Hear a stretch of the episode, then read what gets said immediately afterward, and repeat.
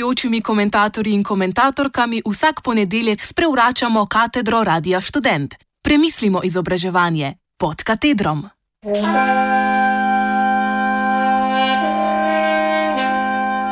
Ojro študent.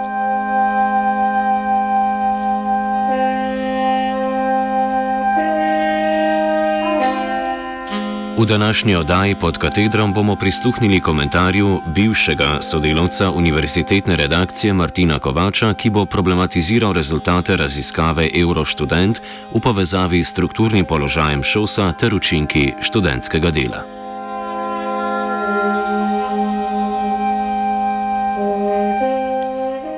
Petek je na Ministrstvu za izobraževanje, znanost in šport MIZŠ potekala konferenca o raziskavi Eurostudent 6. Raziskava Eurostudent je ena največjih mednarodnih raziskav usmerjenih v ugotavljanje socioekonomskega statusa študentske populacije v 28 različnih državah. V tem komentarju se bomo omejili na zgolj dva kazalnika, ki sta v javnosti dvignila največ prahu: na prekomerno študentsko delo ter obči socialni položaj študentske populacije.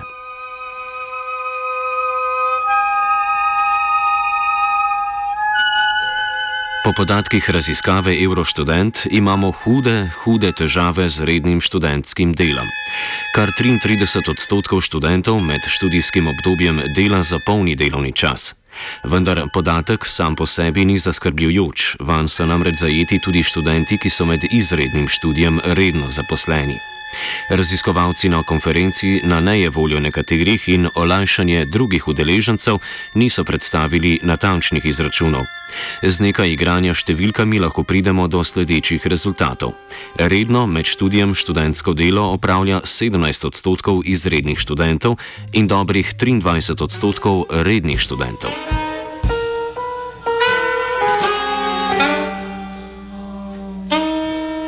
Redno študentsko delo je izredno problematičen vidik študija. Nizko plačano in po večini nekvalificirano delo je sicer pogosto predstavljeno kot socialni korektiv. Tako ga zelo rada opredeljuje zlasti študentska organizacija Slovenije, ŠOS in njeni funkcionarji. Ideja je preprosta, a trdovratna. Študent, ki si sicer ne more privoščiti študija, si ga lahko financira z delom. Po zaključku študija tak študent najde dobro plačano delo in s tem izboljša svoj socialni položaj.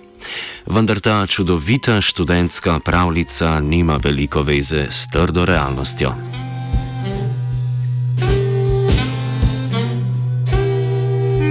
Študentsko delo slovi po slabem plačilu. Pregled poročil študentskih servisov pokaže, da je bila povprečno bruto urna postavka lansko leto 5,15 evrov, kar je zelo blizu tedanje minimalne urne postavke 4,53 evra.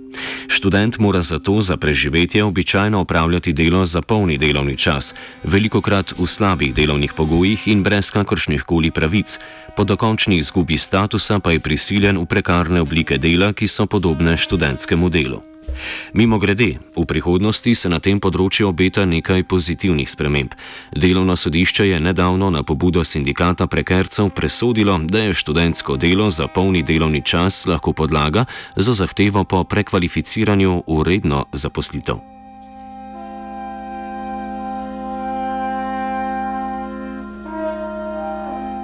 Študent delavec bo sicer v prihodnosti lažje pridobil redno zaposlitev, vendar mu nobeno sodišče ne more vrniti izgubljene izobrazbe. Redno študentsko delo ima namreč precejšen vpliv na potek izobraževanja. Primerjava študentov, ki dela med tednom, ne opravljajo, in študentov, ki delajo več kot 20 ur na teden, ima zaskrbljujoče rezultate. Tisti, ki delajo več kot 20 ur na teden, namenjajo 45 odstotkov manj časa za študij ter 31 odstotkov manj časa pripravi na študij v primerjavi s tistimi, ki dela ne opravljajo. Podatki raziskave Eurostudent dopolnjujejo dosedanje ugotovitve raziskovalcev, ki so preučevali vplive študentskega dela. Študija Univerze na Primorskem iz leta 2010 namreč ugotavlja, da prvi letnik ponavlja skoraj polovica tistih, ki opravljajo študentsko delo.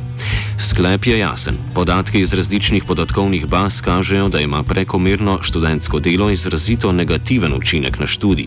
Študentsko delo v tem pogledu vse manj deluje kot pomoč oziroma socialni korektiv in vse bolj kot resna ovira za dokončanje študija.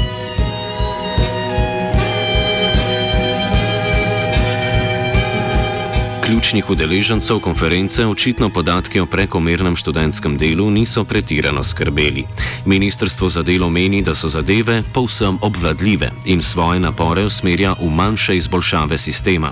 Študentsko delo mora zgolj dosledneje beležiti kompetence, kar naj bi izboljšalo zaposljivost diplomantov.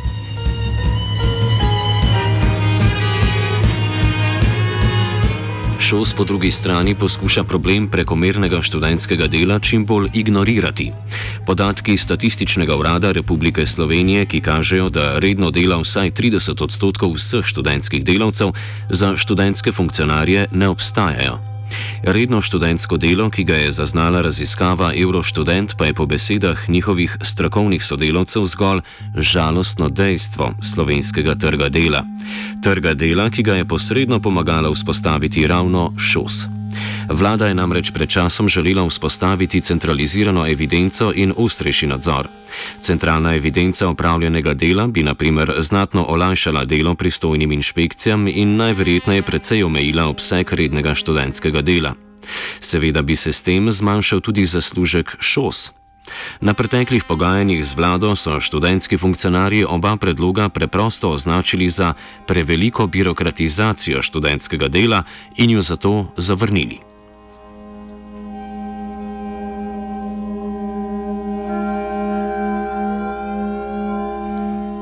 Podatki raziskave Euroštudent poleg preobsežnega dela razkrivajo tudi izrazito slab socialni položaj študentske populacije. Zgolj 9 odstotkov študentov se lahko zanaša na štipendije, čeprav okoli 25 odstotkov študentov prejema zgolj državno štipendijo. Štipendije so namreč občutno preniske. Osnova državne štipendije za socialno najbolj ogrožene je nespremenjena že od leta 2010 in znaša 190 evrov, čeprav življenjski stroški študentov, ki prejemajo štipendije po podatkih raziskave Eurostudent, trenutno znašajo 250 evrov. Paradoksalno je zato socialno najbolj ogrožena študentska populacija, ki se zanaša na državne štipendije, čeprav je namen teh štipendij prav lajšanje težkega socialnega vprašanja študentov.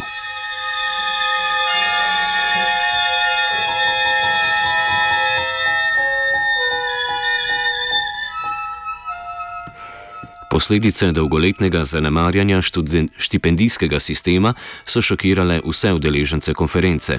Študentski funkcionari so brž hiteli pojasnevati, da se zauzemajo za takojšen dvig štipendij.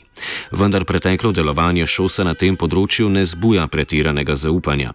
Šos je zadnji resnejši zakonski predlog povezan s štipendijami uložil leta 2011, vendar ta ni posegel v višino državnih štipendij. Za nameček je predlog raztrgala pravna služba državnega zbora, saj je v njem našla ogromno napak in pravnih vrzeli.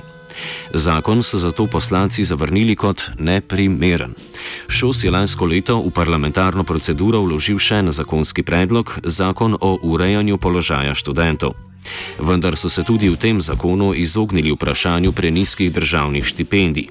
Študentski funkcionari so namreč raje lobirali za precej pomembnejše podaljšanje bono do 21. ure.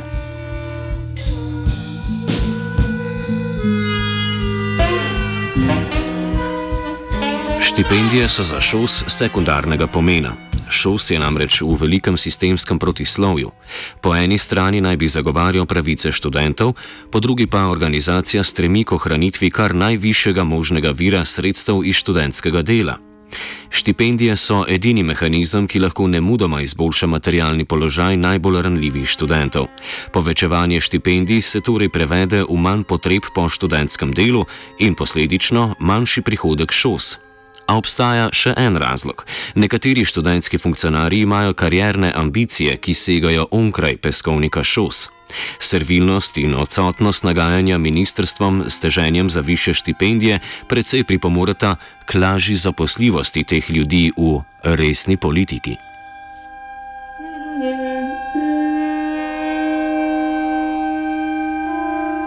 Verjetno se na tej točki sprašujete, kaj za vraga šos sploh počne s svojimi sredstvi. Organizacija je od leta 2010 do danes prejela dobrih 89 milijonov evrov. Kam je šel vsta denar?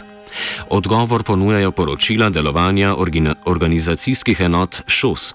Hiter pregled izvedenih aktivnosti pokaže, da študentske organizacije velik del izdatkov namenjajo za plače svojih funkcionarjev in organizacijo različnih bolj ali manj bebavih dogodkov. Med njimi najdemo Beer and Spritzer, Ponge, različne zabave in festivale, pa tudi obisk solarija, smučanje v Kačbergu ali Gerlicnu, šoping izlete v Italijo, obisk Gardalanda in tako dalje in tako naprej.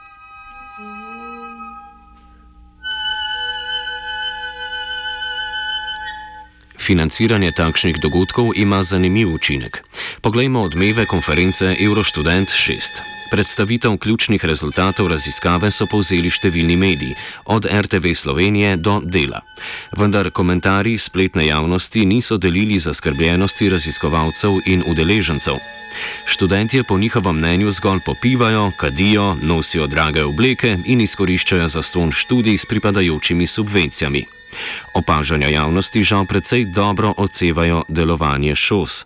Razni birpongi in shopping izleti ustvarjajo vtis, da je študentsko populacijo vse v najlepšem redu in imajo študentje v resnici veliko denarja, ki ga prosto razsipavajo.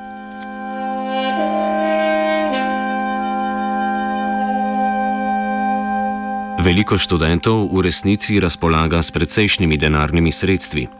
Eurostudent 6 razkriva, da je stopnja neenakosti dohodka med študentsko populacijo precej višja od povprečne neenakosti v Sloveniji. Če bi se študentska populacija odločila za odcepitev od Slovenije, bi po stopni dohodkovne enakosti bili veliko bliže ZDA kot Sloveniji. 20 odstotkov najbogatejših študentov ima namreč v lasti 44 odstotkov vseh sredstev, s katerimi razpolaga študentska populacija. Študent z lastnim avtomobilom ali stanovanjem je realnost slovenskega terciarnega šolskega sistema. Enako kot je realnost tudi študent, ki tehta med toplim obrokom in plačilom telefona.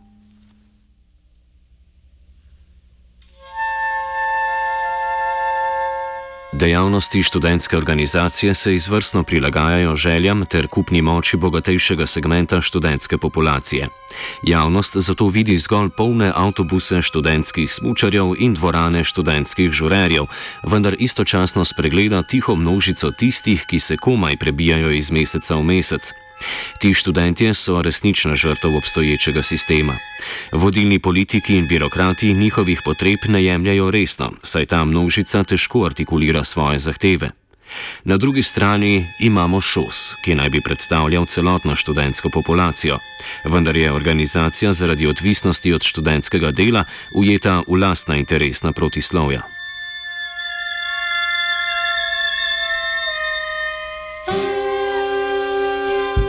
Dokler bo ŠOS razpolagal z 11 milijoni evrov, ki jih v praksi ni mogoče nadzorovati, bodo funkcionarji vedno našli pot za organizacijo komercialnih dogodkov za dobro situirane študente. Po drugi strani funkcionarji trenutno nimajo nobenega interesa za odpravo nekaterih ključnih sistemskih anomalij, predvsem preniskih štipendij in prekomernega študentskega dela, saj bi s tem ogrozili višino proračuna ŠOS-a. Rešitev gordijskega vozla je očitna a boleča. Šos preprosto ne more in ne sme prejemati sredstev, ki izhajajo iz študentskega dela.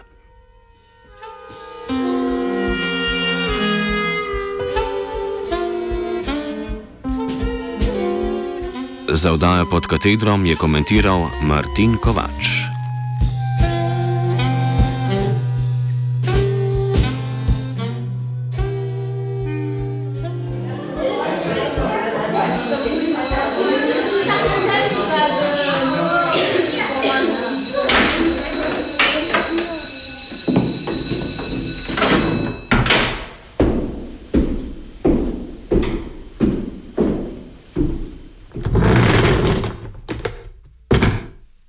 Gostujočimi komentatorji in komentatorkami vsak ponedeljek sprevračamo katedro Radia Student. Premislimo izobraževanje pod katedrom.